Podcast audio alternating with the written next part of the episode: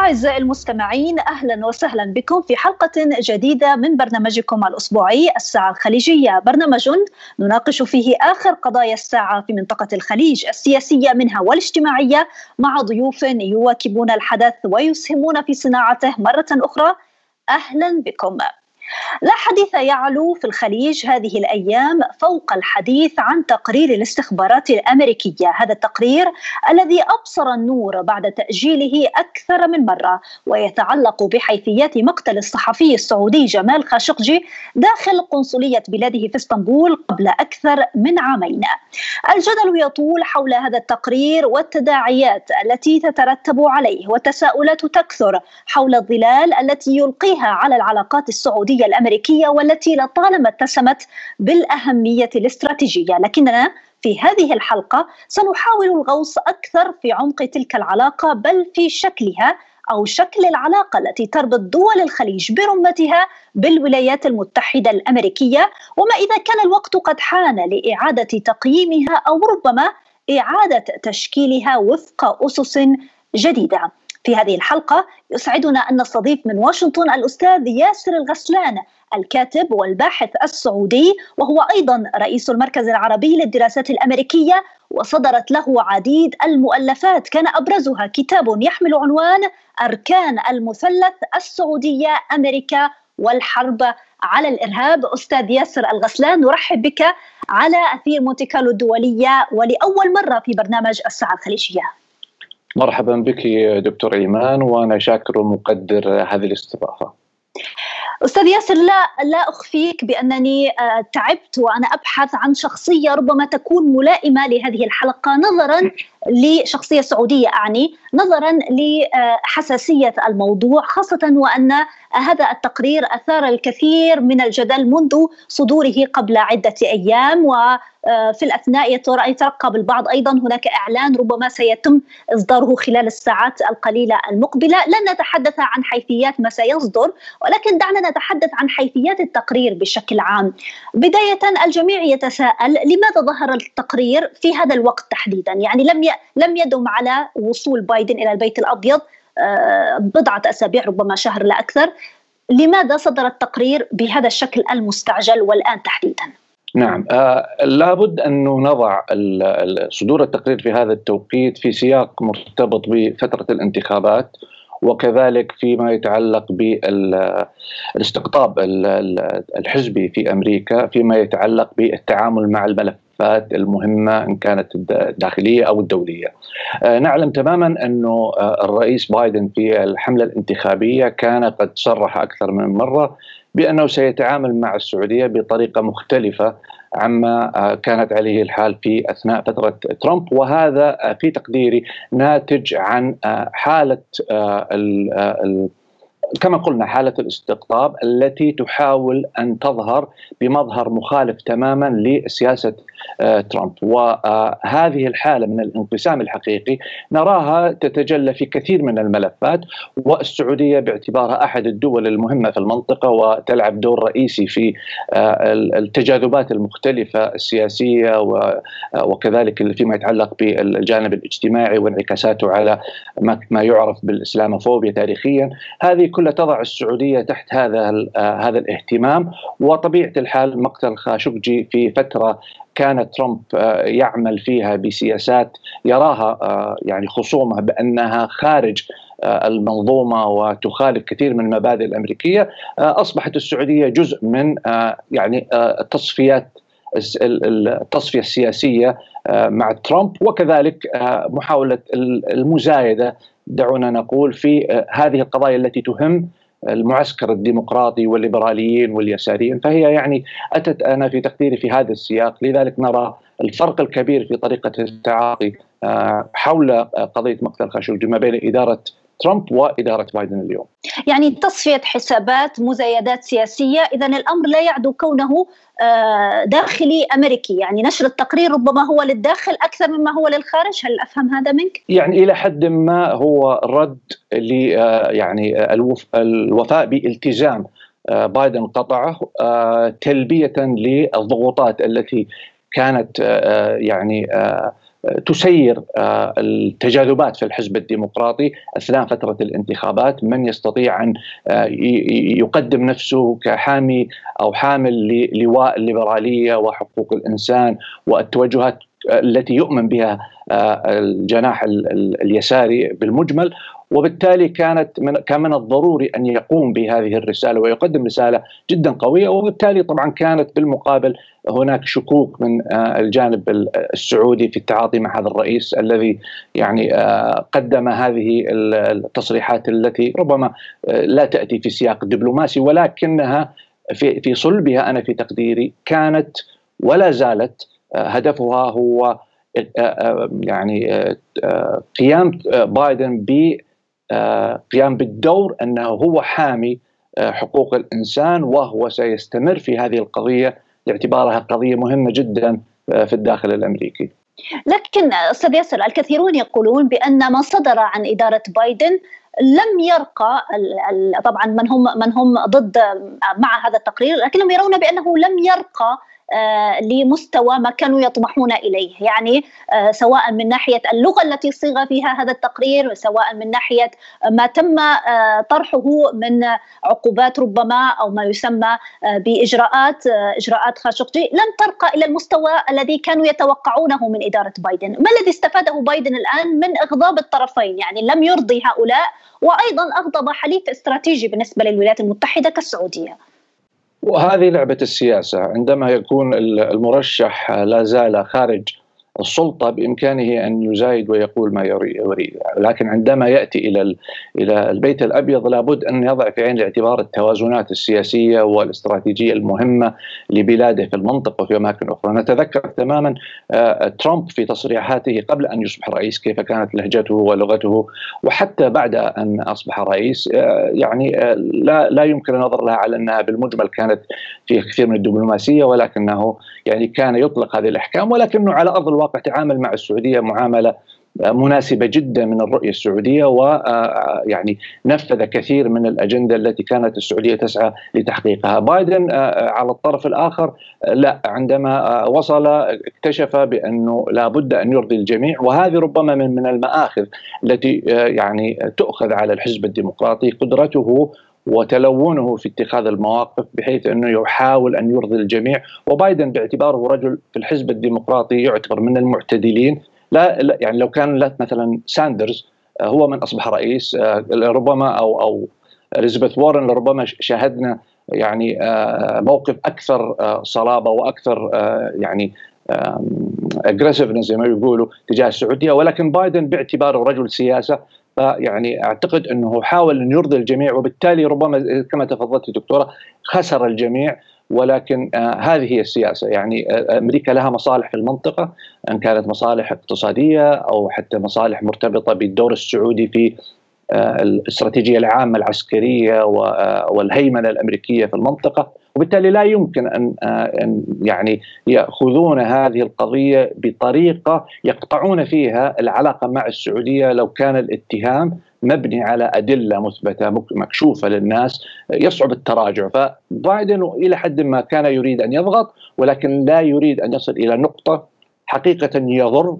المصالح الأمريكية ليس فقط في إدارته ربما في الإدارات المستقبلية في حال كان هذا الموقف آه، العدائي المعلن لو آه، لو صدقت ما يعني يقولون إنه لديهم أدلة أو ما إلى ذلك. طيب أستاذ العزيز يعني كيف تقيم اللغة التي صيغ بها هذا التقرير؟ يعني الكثيرون يتحدثون عن لغة ظنية لا ترقى إلى كونه تقرير استخباراتي صادر عن أهم جهاز استخبارات في العالم، هذا واحد.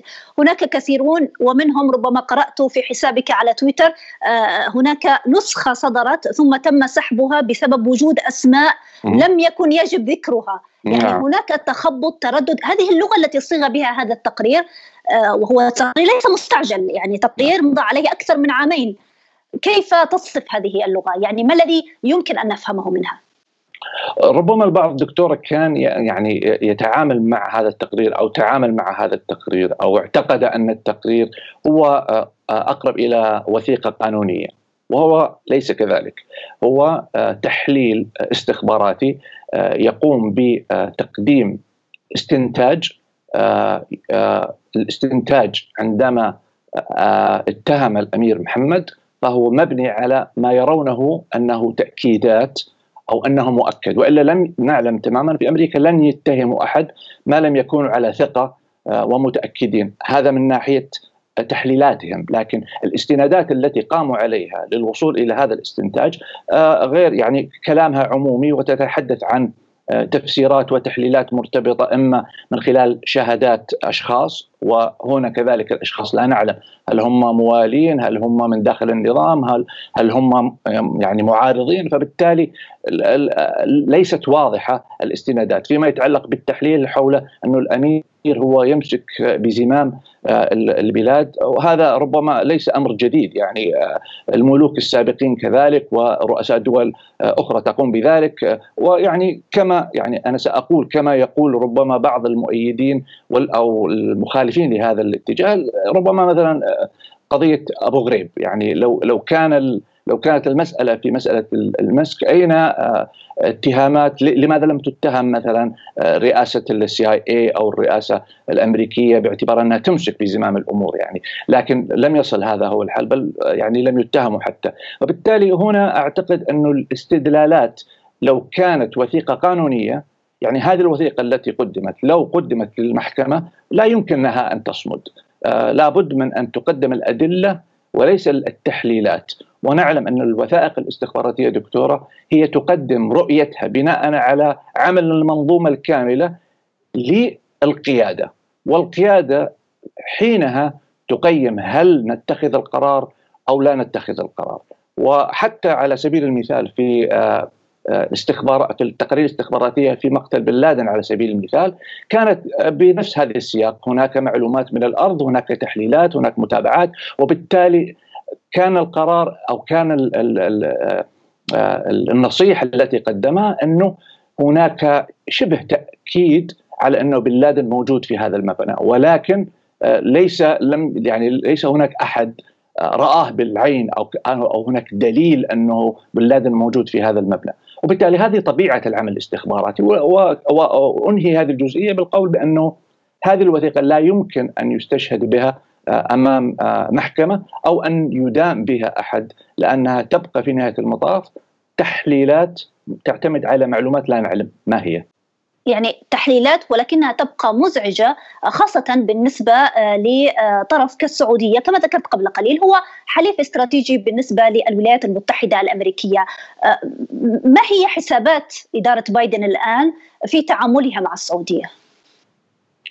أتصور أنه يعني أحد الأسباب التي دفعت إدارة بايدن آه، بهذا الاتجاه هو كما تحدثنا محاولة إرضاء الداخل الليبرالي واليساري. آه، بإرسال رسالة أننا سندافع عن حقوق الإنسان في كل مكان، هذا من جانب، الجانب الآخر هو العمل على إيجاد أرضية مشتركة مع السعودية ونعلم أن تاريخيا مثلا قضية حقوق الإنسان ليست قضية جديدة في تعاملات أمريكا مع كثير من دول العالم بما فيها دول المنطقة، ولكن كان دائما هناك نوعا ما حالة من التفاهم، حالة من آآ آه، آه، يعني آآ كما يقال حد أدنى من الجوانب. ونعلم أن حتى تاريخيا كان هناك يعني كثير من الهجوم على السعودية على قضية أنها دولة إسلامية وتطبق الشريعة بحذافيرها وما إلى ذلك.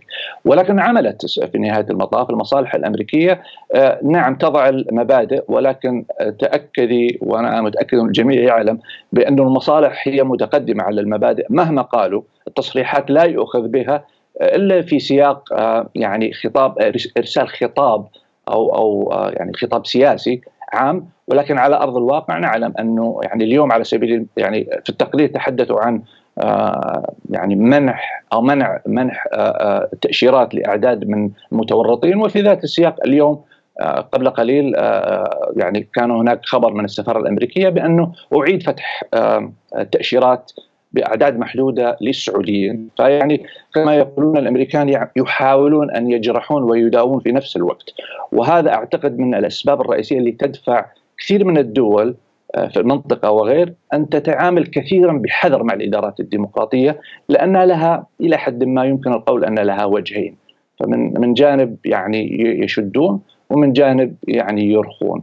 ولابد آه، انه كذلك نضع في المقارنة فيما يتعلق بهذه الجزئية مع علاقتها مع إيران القسم اللدود يعني للسعودية. وبالتالي تحدث هنا التوازن. دورهم نعم. في اليمن دورهم في اليمن كذلك مهم. ونعلم أنه كذلك كان يعني انسحاب إلى حد ما. فالأمريكان وإدارة بايدن يبدو لي الآن تحاول أن تضغط بحد أن لا تخسر السعودية. ويبقى أن نرى السعودية كيف كيف تكون يعني كيف يكون ردها الرسمي بهذا الاتجاه. سأنهي فقط هذه الجزئية بالسؤال قبل الانتقال إلى محور آخر وهو أن هناك العديد ممن ربطوا بين تقرير الاستخبارات الأمريكية الأخير وبين آه، تلك التقارير التي صدرت في العام 2003 قبل اجتياح العراق وشجعت نحو آه، الدخول إلى العراق وإسقاط نظام الرئيس السابق صدام حسين هل تجد فعلا هذا الرابط آه، بين تلك الحقبة بين تلك التقارير وبين ما صدر مؤخرا؟ آه، يعني هذا يعني من ناحية المقارنة باعتبارها تقارير نعم ليس هناك مقارنة ولكن الهدف لا أعتقد أنه نفس الشيء. يعني النظام الأمريكي حاليا آه، كمنظومة كمؤسسة سياسية لا أتصور أنهم متحمسون جدا لتغيير آه، حقيقي على أرض الواقع من ناحية التركيبة السياسية. ولكن ربما هدفهم هو إعادة ضبط القيادة إذا صح التعبير باتجاه المشروع الأمريكي العام. آه، نعلم تماما أنه في السنوات الأخيرة كان خصوصا في سنوات ترامب كانت السعودية إلى حد ما إن صح التعبير هي التي تحدد الخطوط العامة للاستراتيجيه الأمريكية وكان ترامب ينفذ يعني كل ما يعني التشيك ليست آه، التي كان يحلم بها ويرغب بها ترغب فيها الحكومة السعودية فيما يتعلق بالعلاقة الأمريكية في المنطقة تحقق أثناء فترة ترامب. آه، اليوم آه، لا الحالة مختلفة، الحالة أمريكا وبايدن يريدون إعادة آه، الكرة إلى الملعب الأمريكي بحيث أن أمريكا هي التي تحدد الاستراتيجية وعلى السعودية وباقي الدول أن تلعب الدور المناط بها. والمهم ولكنه ليست ليست الدول هي من يحدد السياسة الأمريكية في المنطقة. وبالتالي أعتقد هذه نقطة جوهرية في في الفرق بين التقرير 2003 واليوم بانه العلاقة ليست علاقة عداء واحد، ثانيا هي علاقة من هو الذي يسير السياسة في المنطقة في هذه العلاقة الثنائية. نذكر فقط بأن ضيف حلقة الساعة الخليجية لهذا الأسبوع هو الأستاذ ياسر الغسلان الكاتب والباحث السعودي ورئيس المركز العربي للدراسات الأمريكية معنا من واشنطن. هذه قبل قليل تحدثت أستاذي العزيز عن وجهة نظر الولايات المتحدة تجاه السعودية إعادة تقييم العلاقة إعادة ضبط المصنع كما يقال في بعض الإشارات ولكن دعنا نكون أكثر وضوحا، ماذا بالنسبة للسعودية؟ آه، كيف تنظر اليوم السعودية إلى علاقاتها مع الولايات المتحدة الأمريكية؟ السعودية اليوم دولة مختلفة عن سعودية الأمس. آه، كيف تنظر إلى هذه العلاقات وهل يمكن أن تعمد إلى إعادة تقييمها، إعادة تشكيلها أو إعادة تموضع بالنسبة لموقعها من الولايات المتحدة الأمريكية؟ السعودية أنا في تصوري آه، وصلت إلى قناعة بأنه السعودية التقليدية في المنطقة أو الدور التقليدي للسعودية في المنطقة لم يعد آه، قابلا آه، للاستمرار خصوصا في ظل التغير الشامل الذي حدث للمنطقة. إن كان نتيجة ما عرف بالربيع العربي أو إن كان نتيجة الحروب الإقليمية أو حتى حدة الصراع آه، مع إيران لا يمكن من وجهة النظر السعودية أن السعودية تكتفي بالبقاء متفرج وجزء من المنظومة الاستراتيجية الأمريكية.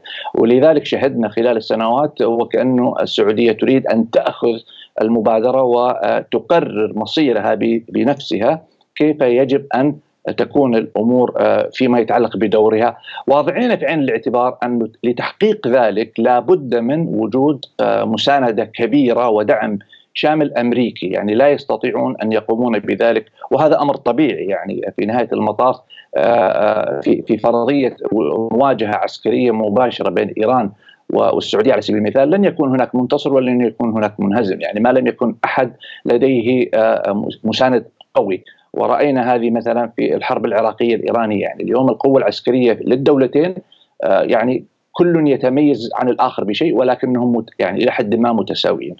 آه هذه أنا في تقديري الإشكالية الرئيسية التي اليوم آه نراها فيما يتعلق بالخلاف أو آه, الاختلاف في التوجهات، السعودية تريد أن تلعب دور مهم ولكن دور له صوت. وفي ذات الوقت الأمريكان وصلوا إلى إلى مستوى من التعاطي مع حالة منفلتة يرون أنه لا يمكن ضبط المنطقة ما لم يكن هم من يسيطر عليها ويقرر كيف تكون الأمور. آه، هناك في يعني آه، في تصور في عند الديمقراطيين وربما قالها أوباما في في فيما مضى إنه هذه المنطقة يجب أن يتقاسموا يتقاسمونها الأطراف. آه، هذا الكلام قبل 2015 2014 آه، عندما كانت السعودية وايران آه، هم اللاعبين، اليوم نعلم تماما بأنه هناك دول جديدة دخلت تلعب، يعني نعلم أن هناك الإمارات آه، دخلت فأصبحت المسألة أكثر تعقيدا، أنا أتحدث من ناحية الطموح الاستراتيجي والطموح العسكري والطموح لعب الدور الرئيسي في المنطقة، نعم. وبالتالي أصبحت أكثر تعقيدا. المرحلة الآن أصبحت أكثر تعقيدا. طيب لما كانت تقول السعودية وكثير من المحللين السعوديين بأنه يجب عدم وضع البيض كله في السلة الأمريكية، يجب آه، توزيع آه، يعني التحالفات، يجب إيجاد تحالفات جديدة وهذه استراتيجية نسمعها في السعودية منذ عدة سنوات وليست بالجديدة،. لكن حتى اليوم نجد بأنه من الصعب على الرياض الخروج من العباءة الأمريكية. حتى مع عقد بعض التحالفات هنا وهناك لا نجدها ترقى إلى نفس مستوى العلاقة مع الولايات المتحدة الأمريكية، هل هذه نقطة ضعف لدى السعودية أم أنها نقطة قوة؟ لا أنا أعتقد أنه يعني ليس لا يمكن النظر لها على أنها نقطة ضعف أو نقطه قوة، هي ناتجة عن البناء الاستراتيجي بين الدولتين منذ النشأة يعني منذ الأربعينات كانت العلاقة بين السعودية وأمريكا علاقة شراكة وعلاقة آه، مصلحة مشتركة. والسعودية حسبت تاريخيا دائما على المعسكر الغربي وبالتالي شاركت مع الأمريكان في محاربة الشيوعية في أكثر من بقعه، الاتحاد السوفيتي في أفغانستان وغيرها من الأماكن، والتقارب الذي حدث مع الصين ربما كان هدفه أكثر اقتصادي من كونه يعني آه، اتجاه نحو الموديل الصيني لاختلافات كثيرة. ولكن السعودية حاليا حقيقة لا أتصور أنه من الحكمة أصلا أنهم يفكرون جديا بالاتجاه نحو الشرق إن كان مع روسيا أو مع الصين لأنه هذه ربما لها تبعات على موقف أمريكا منها، يعني أمريكا تنظر للسعودية على أنها جزء من كما يقال الباك يارد يعني جزء من المنظومة آه، الاستراتيجية الأمريكية مثلها مثل أوروبا. لذلك نجد اليوم كثير من ال آه، من ال آه، من المشاكل في أوروبا فيما يتعلق بروسيا وأوكرانيا وكذلك حتى دور تركيا في مسألة شراء الأسلحة الأس 400 من من من روسيا وهي جزء من الناتو، طبعا تركيا ربما وضعها مختلف يعني هو المثل هنا تركيا إنه تركيا تلعب على الحبلين كما يقال، لكن تبقى في نهاية المطاف امتدادها هو الناتو. ووضع تركيا حتى من الناحية العسكرية آه، أقوى ربما من السعودية. وبالتالي آه، وأردوغان شخصيته كذلك يتعاطى مع مع الأمر بطريقه ربما فيها نوع من من الفوقية أو فيها نوع من التحدي. آه نعم. تحديدا هذا يطرح تساؤل كبير. يعني أنت تقول بأنه التعامل مع تركيا مختلف التعامل مع أردوغان مختلف. آه تركيا يعني نشهد تضييق على الحريات الصحفيين في السجون يعني آه أمر لا يخفى على أحد. لماذا التعامل يبدو مختلفا مع تركيا؟ هل بسبب الناتو؟ هل يجب على السعودية أن تبحث على يعني على نقطة قوة؟ كعضوية تركيا في الناتو مثلا ربما لتحظى مثلا بنفس طريقة التعامل إذا إذا إذا صح التعبير مع الإدارة الأمريكية.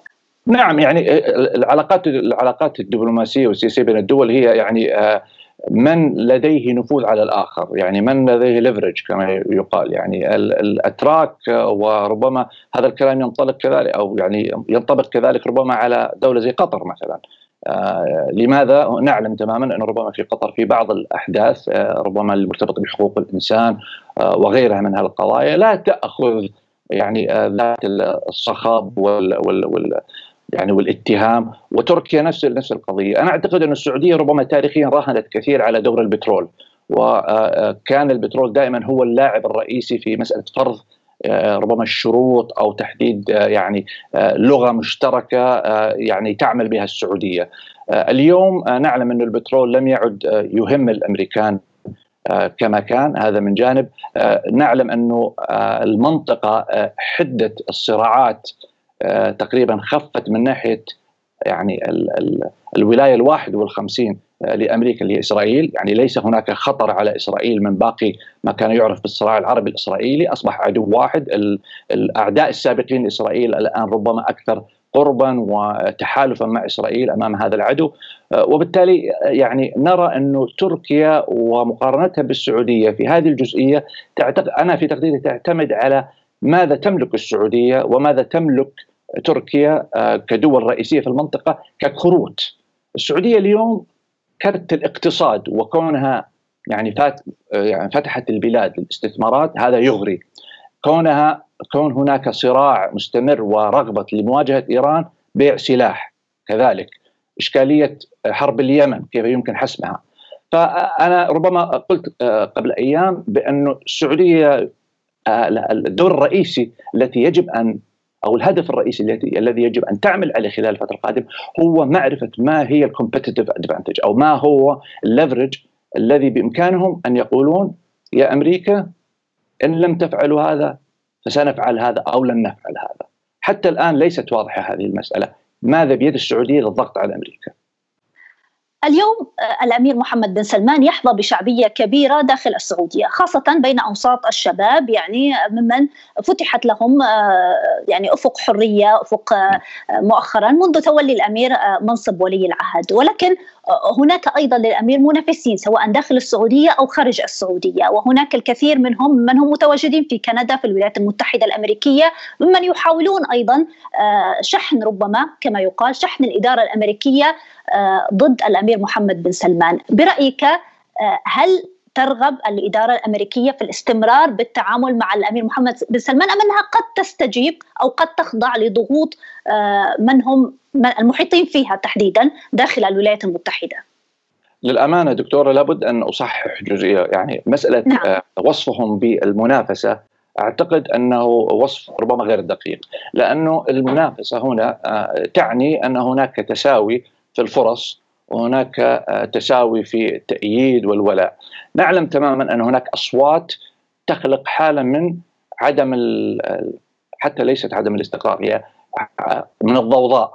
آه، هذه الضوضاء في مرحلة السعودية اليوم التي تحاول أن تخرج من عمق الزجاجة من تاريخها المحافظ إلى دولة أكثر انفتاحا اجتماعيا واقتصاديا. قد تسبب بعض القلق. نعم وكان لها نتائج نعلم تماما تبعاتها فيما يتعلق ببعض الاعتقالات وحقوق الإنسان. ولكن هذه الأصوات أنا في تقديري إلى اليوم ليست خيارا كما يتصور البعض ربما يأمل بعض آه، المعارضين لأنه على أرض الواقع الأمريكان دائما بصرف النظر عن الحزب يريدوا أن يتعاملون مع رئيس قادر على ضبط العملية.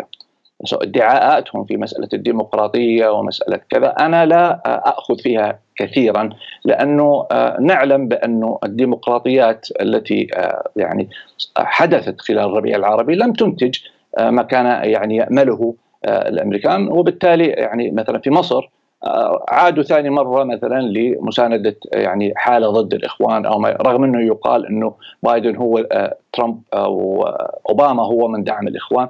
لكن نرى إنه السيسي أصبح رئيسا في فترة آه، فترة آه، أوباما. أوباما آه، نعم. نعم.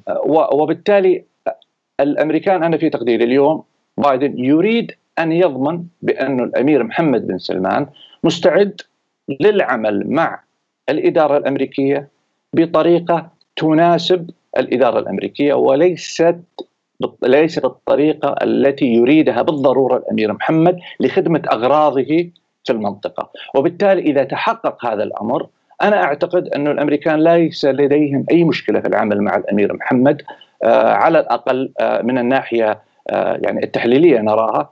وما حدث في التقرير وهذه التصريحات أنا في تقديري كلها وسائل ضغط لكي يجبروه على أن يرسل رسائل إيجابية بأني مستعد أن أتعامل معكم في الملف الإيراني بالشكل الذي يناسبنا ويناسبكم. سأتفهم موقفكم في اليمن وأتعامل معكم على هذا الأساس فيما يتعلق بقضايا الحريات ربما لخدمه خدمة لكم في أجندتكم الداخلية. سنحاول أن نعيد تصوير السعودية على أنها دولة تسمع بالرأي الآخر وما إلى ذلك. كلها أنا في تقديري طلبات جانب منها مرتبط ب آه، التزام الأمير محمد ان صح التعبير بالتوجهات الأمريكية وكوزمتكس أو أمور رتوش تخلق صورة إيجابية كما كان الحال قبل مقتل خاشقجي، لأنه أنا كشخص عايش في أمريكا قبل مقتل خاشقجي صورة السعودية كانت صورة جدا آه، مشرقة والتجديدات التي حصلت في الإصلاحات كان لها وقع جدا آه، جيد. ولكن هذا الحدث الذي يعني هز الأوساط التي تؤمن بالحريات صدر صدره بحيث أنه نسي الجميع آه، مكانة السعودية باتجاه طبعا بإضافة للاعتقالات الأخرى ويعني التضييق على الحريات حرية التعبير وما إلى ذلك. لكن آه، دعني أكون أكثر آه، ربما في فترة أوباما كانت الإدارة الأمريكية أو الكثير ممن تحدثوا عن الإدارة الأمريكية نصبت إيران كشرطي في الخليج، يعني كانت بعد الاتفاق النووي الإيراني كان واضحا بانه الإدارة الأمريكية قد عقدت صفقة كبرى مع إيران وربما سلمتها الملف الملف الخليجي كشرطي في الخليج وهذه العبارة تكررت كثيرا بالحرف الواحد. آه، هل يعني ذلك بأننا سنشهد إرث أوباما يتكرر مع بايدن؟ يعني كل ما تقوله قبل قليل إنهاء الحرب في اليمن آه، إعادة الاتفاق النووي كل ذلك يصب في مصلحة إيران وأنا لا أرى شيئا يصب في مصلحة السعودية وخاصة بعد تكرار آه، الهجمات الحوثية مؤخرا على المملكة. نعم. بالنسبة للموقف المطلوب من السعودية هو كاليمن على سبيل المثال وغيرها هذا بالمقابل سيضع السعودية في موقف المطالب من أمريكا على إدراجها أو إقحامها في آه، آه، يعني المناقشات النووية لأن السعودية لها تحفظات ليست فقط على البرنامج النووي آه، تحفظاتها مرتبط بمشروع مشروع الصواريخ وكذلك بالدور الذي تقوم به إيران في المنطقة. آه الإيرانيين يقولون لو أمريكا لم تكن آه تبيع هذه الكمية من السلاح وتدعم السعودية بهذا القدر من الدعم العسكري والسياسي لم نكن لنحاول أن نحيط السعودية من كل اتجاه. يعني هم يقولون أنه نحن متمركزون بهذه الأماكن لأننا لا نثق بالسعودية لانها ولا نثق بأمريكا.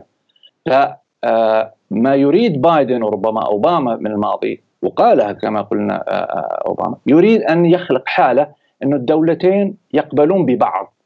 الآن السؤال ما هو القدر الذي بإمكان كل طرف أن يتنازل للآخر كمحاولة لاثبات حسن النية. هذا لا زال الحالة لا زالت اليوم صعب قراءتها لأنه الشك كبير بينهم. دور أمريكا الآن إذا لم تضع في عين الاعتبار المخاوف السعودية ومخاوف المنطقة لن يصل إلى حل وأنا متأكد بأنه في حال لم آه، تلعب السعودية دور مهم وطلباتها السعودية لن تتجاوب لأنه السعودية تحارب في اليمن دفاعا عن نفسها هذا من جانب ثاني أمر هو دفاعا عن عن نفسها على المستوى المستقبلي لأنه إذا تحولت اليمن إلى ولاية إيرانية أصبحت إلى حد ما خطرها وكأنه إيران يعني آه، في البوابة الخلفية.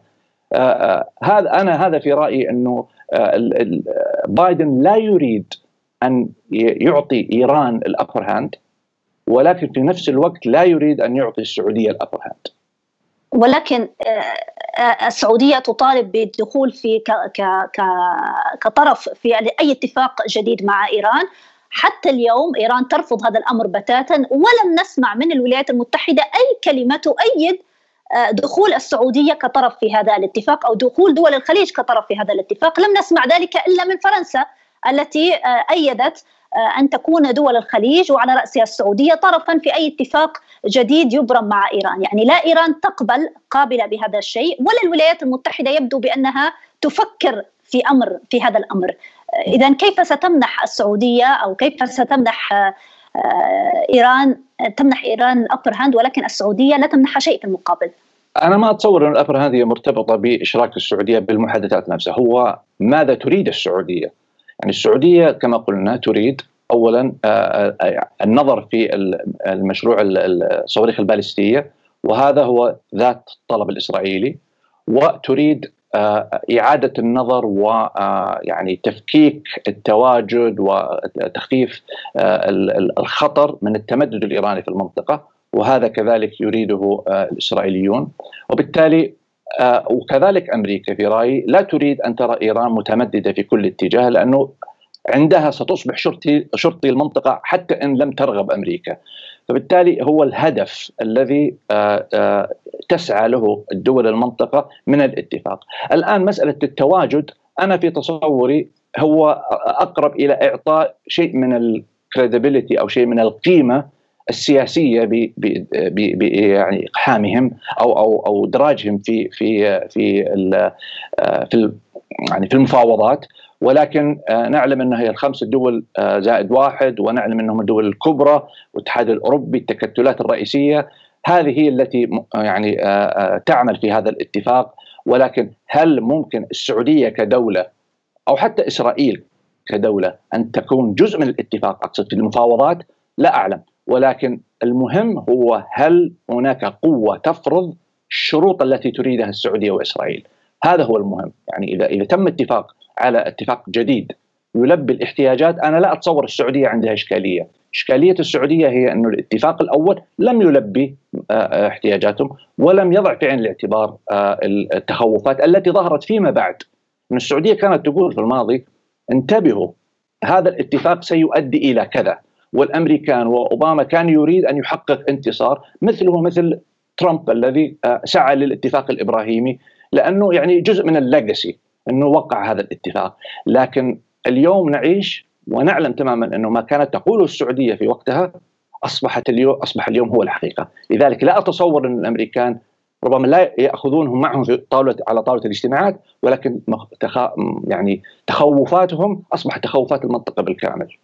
طيب أن تكون التخوفات أن تكون التصريحات هذه كلها كلها أمور شكلية ولكن هل لدى السعودية آه، إمكانية لفرض شروطها على الطاولة حتى لو لم تكن متواجدة على الطاولة حتى لو لم تدعى إلى هذا الاتفاق هل لدى السعودية الآن آه، آه، يعني القدرة على فرض شروطها على هذه الطاولة؟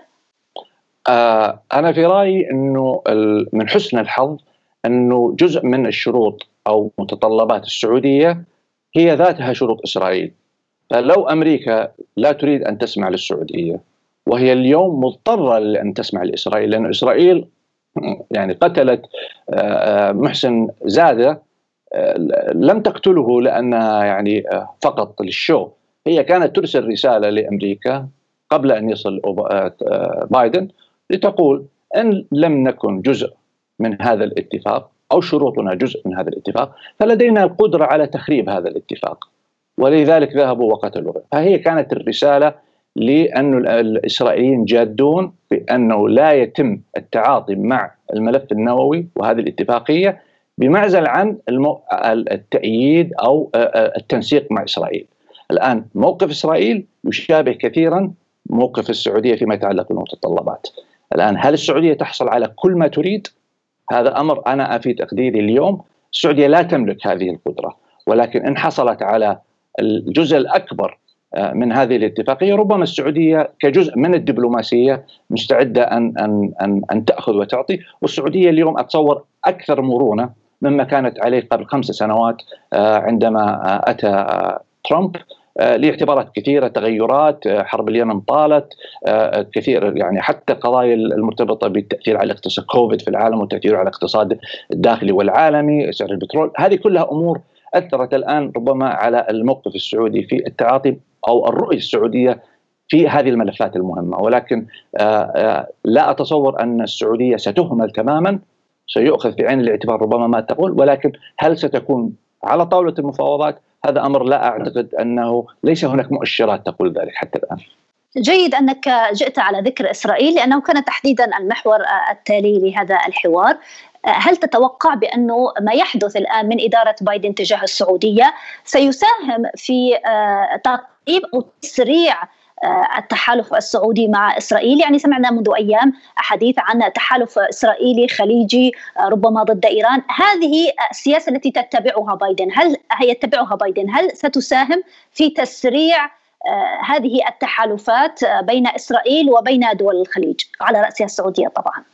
التحالفات دكتورة أنا في في تصوري موجودة. يعني الحلف واضح الآن حتى إن لم تكن هناك معاهدة يعني ما يسمى معاهدة سلام آه، أو اتفاقية دبلوماسية آه، بين السعودية وإسرائيل. آه، يعني كون البحرين وقعت اتفاقية نعلم بأنه البحرين في كثير من مواقفها تنسق مع السعودية. فربما يعني البعض يقول أنه ربما هي بالون اختبار يعني ردة فعل الداخل ونعلم اليوم في الداخل السعودي ليست هناك يعني معارضة كبرى على الأوساط الشعبية والشبابية في قضية إسرائيل. وما حدث مع الإمارات كذلك على المستوى آه، الترويج الإعلامي آه، لهذه الاتفاقية. يعني خلق هذا الانطباع على أنهم أحباب. الآن ليست بالضرورة هذا الواقع هناك ناس لا زال ينظرون لإسرائيل على أنها دولة عدوة وما إلى ذلك. ولكن بالمجمل على على على المستوى العام لا أتصور انه هناك إشكالية حقيقية على أرض الواقع الآن بين السعودية وإسرائيل لأنه ليس هناك صراع اليوم. هل هذا سيؤدي إلى اتفاقية؟ دبلوماسية؟ ربما السعوديه كانت واضحة في قضية القدس ولكن حتى الإمارات كانت واضحة في قضية القدس ولكنها وقعت والبحرين كذلك. فالدبلوماسية والسياسة تعلمنا فن الممكن والتعاطي مع الظروف وما دام فككت فكرة الصراع وفككت فكرة آه، المطالبة والعدو آه، الإسرائيلي. أعتقد يمكن الاتفاق آه، ان يعقد اتفاق. ولكن من الناحية العملية اليوم لو حدثت حرب يعني خلينا نفترض هذا السيناريو لو حدثت حرب السعودية ستصطف مع إسرائيل مباشرة ضد إيران. نعم.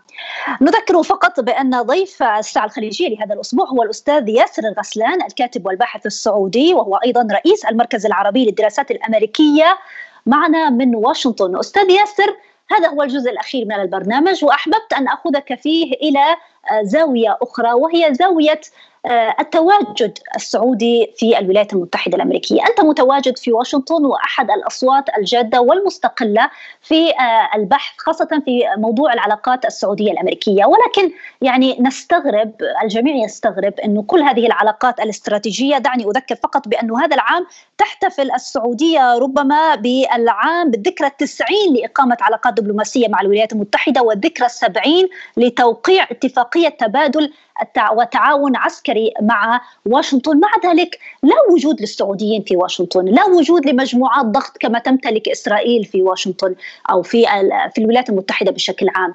لماذا هذا الغياب السعودي عن المشهد الأمريكي رغم كل تلك السنوات الطويلة؟ ربما يعني تتفاجئ دكتورة إن قلت لك أن هناك أعداد كبيرة من السعوديين آه، ممن يعيش في واشنطن وفي أمريكا ومن من هاجر. وأخذ الجنسية وانخرط واندمج مع المجتمع ولكن ربما بسبب آه، آه، أنه آه، تاريخيا السعودية لا تسمح بالجو يعني إن شخص يكون عنده جوازين يعني ازدواجية الجنسية بسبب أنه من هاجر كثير منهم هاجر إما لأسباب مرتبطة بالحريات كانت حرية التعبير أو ما إلى ذلك أو بسبب الحريات الاجتماعية. وقرر أن يعني يكون حياة. هؤلاء اللي هم أنا دائما أسميهم هم حقيقة القوة الناعمة التي آه، لم تتمكن السعودية من آه، يعني الاستفادة منهم طول طيلة هذه السنوات. لأنه كان ينظر لهم باعتبارهم يعني خارجين هذول آه، يعني زي ما كما يقال ما فيهم خير. ومن هاجر يرى نفسه أو أو يعلم بأنه ينظر له بهذا بهذا الاتجاه. وبالتالي كما يقال يعني اللي ما يبغاني أنا ما أبغى هذه هذه الفكرة بالمجمل. لكن هناك أشخاص كذلك ممن يأتي إن كان طلاب أو غيره ويستقر ولا زال عنده ارتباط مباشر مع مع السعودية. الآن الدور المؤثر في واشنطن للسعوديين أتفق معك تماما آه أنه الدور السعودي في آه واشنطن ضعيف جدا وأقصد كالدور آه السعوديين أكثرهم في تصوري وربما أكون مخطئ ولكن كثير منهم يعمل أقرب إلى آه، آه، أنا كما أقول دائما مسوقين أكثر من كونهم آه، رجال علاقات عامة. فهم دائما يعني يحاولون أن يروجون لسياسات معينة بربطها بمثلا القيادة. وهو هذا خطاب غير يعني الأمريكان لا يأخذون به. يعني يعلمون تماما أنه أنت يورو بروباغاندست زي ما يقول يعني أنت رجل رجل بروباغندا بينما ربما الإسرائيليين يعملون من خلال يعني التغلغل والاستفادة من اليهود الأمريكان أو من لديهم الجنسيتين هؤلاء هم الأشخاص الذين آه، يعني تستفيد منهم أمريكا بشكل رئيسي في آه، تستفيد منهم إسرائيل بشكل رئيسي في التأثير على الرأي العام. أنا أتصور أنه كون السعودية تمكنت من خلال قدراتها المالية لعقود طويلة أن تحصل على ما تريد من خلال السياسيين من خلال اللوبيز التي الذين يستفيدون ماليا من عقودهم في آه، الدفع نحو آه، يعني تحقيق بعض الأهداف التي كانت السعودية تريد جعلهم لا لا يحتاجون إلى يعني آه، سفراء لهم بالمعنى الحقيقي كجزء من المنظومة الأمريكية، نرى اليوم مثلا دول معينة مثلا الصومال هناك الهان عمر كمثال يعني مهاجرة وذهبت. يعني هي مثال عندنا رشيدة طليب مثلا وهؤلاء طبعا لهم مواقف جدا سلبية آه، مع السعودية. ولكن هناك آخرون يعني هناك آه، كذلك كونغرسمان آه، أعتقد ريتيري الأصل هناك كثر مثلا من من أصول كان لاتينية ويعملون بالتاثير نعم. لا نجد يعني حقيقه يعني فاعل سياسي حتى على مستوى الولايات من من من أصل سعودي ربما خوفا آه، هو ربما يخاف ان أو ليس عنده لم يعتاد على اللعب السياسيه أو كذا ولكن هذا أعتقد أنه يعني منجم ذهب آه، لا زال لم يكتشف لا زال لم يكتشف أم أن السعودية لم تعي حتى الآن أهمية هذا الدور، أهمية دور الجاليات المهاجرة، أهمية دور الدياسبورا السعودية حول العالم. حقيقة دكتورة لا أعلم إن كانوا يعون أو لا يعون. يعني على أرض الواقع أنا رأى كل المجهود الذي آه، يعني يعني يعمل هنا آه، يعمل كما قلت من منطلق تسويقي وليس من منطلق يعني علاقات عامة أو محاولة أو أو سوفت أو أو, أو يعني دبلوماسية آه، ناعمة أو أو, أو كما يسمونها فيعني اللي اللي تشتريه بفلوس أسرع. والذي يحقق لك بدل دوشة الدماغ ويعني الرؤية الطويلة ويعني والصبر والبناء ويعني هذه الأمور تحتاج إلى رؤية استراتيجية طويلة وإلى صبر وإلى وفي نفس الوقت إلى كفاءات تدير هذه العملية وتحدد لها أهداف طويلة ويتم تجاوز الإخفاقات المرحلية والصبر. هذه الأمور أنا في رأيي دكتورة يمكن هذه عادة موجودة عند عند العالم العربي بشكل عام. غير موجود. بينما الإيرانيين على سبيل المثال عندهم هذا الأمر يعني الإيرانيين اليوم.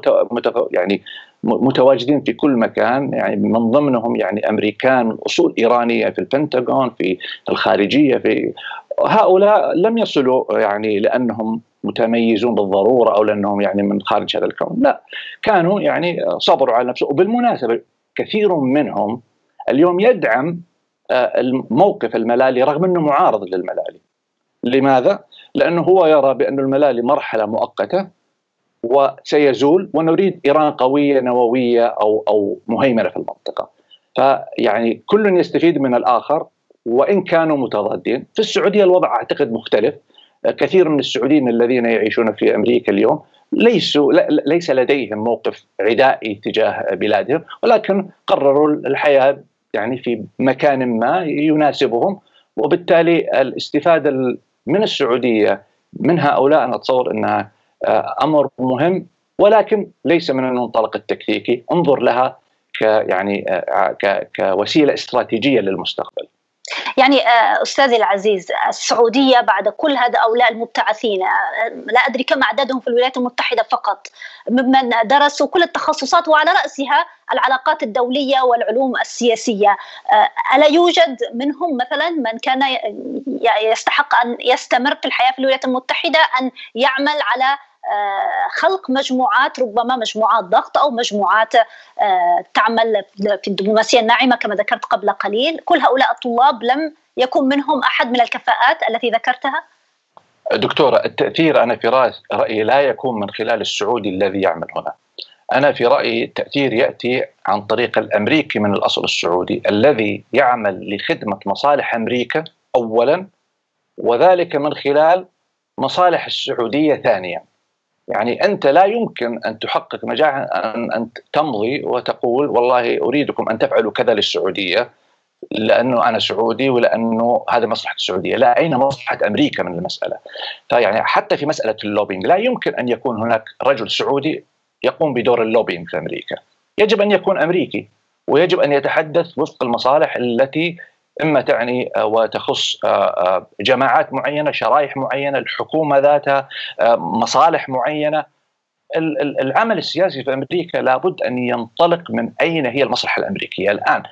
هؤلاء قدرتهم في توليف الرسالة المصلحية الأمريكية بحيث أن تتوافق مع المصلحة السعودية، هذه هي الرسالة التي أعتقد يجب أن يتم استهدافها، ولكن ليس من خلال وكلاء دعاية لأنه كما قلنا الطريقة الأسرع في وكلاء الدعاية هي أنك تتعاقد مع PR agency أو تتعاقد مع آه، آه، يعني lobbying firm أو أو مكتب لل lobbying وانتهى الموضوع. يعني يقومون بهذا. ليش دوشة الدماغ إنه لكن المهم هو إنه تتوغل آه، يتوغل الأمريكان من أصل السعودي في على مدى البعيد. وأنا أتكلم هنا بعش يعني 10 سنوات و20 سنة لأنه لا يمكن أن نجني ثمار هذا الشيء خلال سنة ولا سنتين، لابد أن نعمل للمستقبل. وهذا هذا تماما ما قامت به يعني بعض الجماعات الإيرانية. طيب خلال السنوات الأخيرة في السعودية ظهر كونسبت أو كما يقال آه، يعني ظاهرة جديدة ظاهرة مراكز الدراسات والأبحاث وبعضها أو الكثير منها تخصص في العلاقات السعودية الأمريكية ولكنها يعني رغم أنها حديثة المنشأ يعني منذ بضع سنوات يعني لم نسمع بها أو لم نسمع بدراساتها على المستوى آه، الدولي. يعني ربما بقيت محصورة في الداخل المحلي ولا أعتقد بأنه في الداخل المحلي أيضا هناك الكثير ممن سمع بها. ما سبب ضعف مراكز الدراسات؟ الدراسات والابحاث في السعودية؟ آه لما لما نبحث عن دور مراكز الأبحاث والدراسات في أمريكا على سبيل المثال هي الخطوة الأولى في صياغة السياسات العامة لأمريكا. ليس هناك سياسة في الغالب في أمريكا تؤخذ إن كان على المستوى الداخلي، إن كان على المستوى الدولي، الإقليمي، آه، اقتصادي، سياسي، شيء له علاقة بالطرق، آه، بالمشاريع لم يبدأ من مركز أبحاث. لذلك نعلم تماما أن هنا في أمريكا هناك مجموعة من مراكز الأبحاث منها من هو أقرب إلى اليمين وأجندة اليمين وهناك من هو أقرب إلى اجنده اليسار يعملون من خلال باحثين من خلال آه، مسؤولين في الحكومة سابقين آه، ونعلم تماما بأن الرؤساء والإدارات الجديدة عندما آه، يعني تأتي إلى البيت الأبيض تبدأ في النظر بهذه المراكز بالباحثين أيهم من هؤلاء يستطيعون أن يستقطبوهم للعمل في آه، زي مثلا اليوم المبعوث الخاص بإيران مثلا آه، يعمل في Crisis Group وهو كذلك يعني مركز أبحاث. وطبعا غيره يعني نعلم ترامب 60% آه، من خطته في المية يوم الأولى من إدارته وضعتها Heritage هيريتج فاونديشن وهو مركز أبحاث محافظ معروف. فالفرق أنا في تصوري الدور. بعض المراكز تكتب تكتب للثقافة العامة للمتلقي والمهتم. بينما في أمريكا هذا الأمر يأتي اوتوماتيكيا لنشر الثقافة ولكن الهدف الحقيقي من العمل هو التأثير على آه، الرأي العام واحد والتأثير على الكونغرس تجهيز آه، مشاريع آه، قوانين للكونغرس الضغط على الإدارة الأمريكية. فببساطه ممكن أقول مراكز الأبحاث هي النقطة الأولى أو المرحلة الأولى التي تنطلق فيها سياسات وقوانين واستراتيجيات أمريكا بالمجمل. نعم أستاذ ياسر الغسلان الحديث معك لا يمل ولكن وصلنا ربما إلى نهاية آه، هذه الحلقة. إذا نتوجه بالشكر الجزيل لك أستاذ ياسر الغسلان الكاتب والباحث السعودي ورئيس المركز العربي للدراسات الأمريكية. ونذكر أيضا بأنه صدرت لك العديد من المؤلفات. كان أبرزها كتاب يحمل عنوان أركان المثلث السعودية وأمريكا والحرب على الإرهاب. شكرا لك شكرا جزيل الشكر أستاذ ياسر على تواجدك معنا. شكرا لك دكتورة إيمان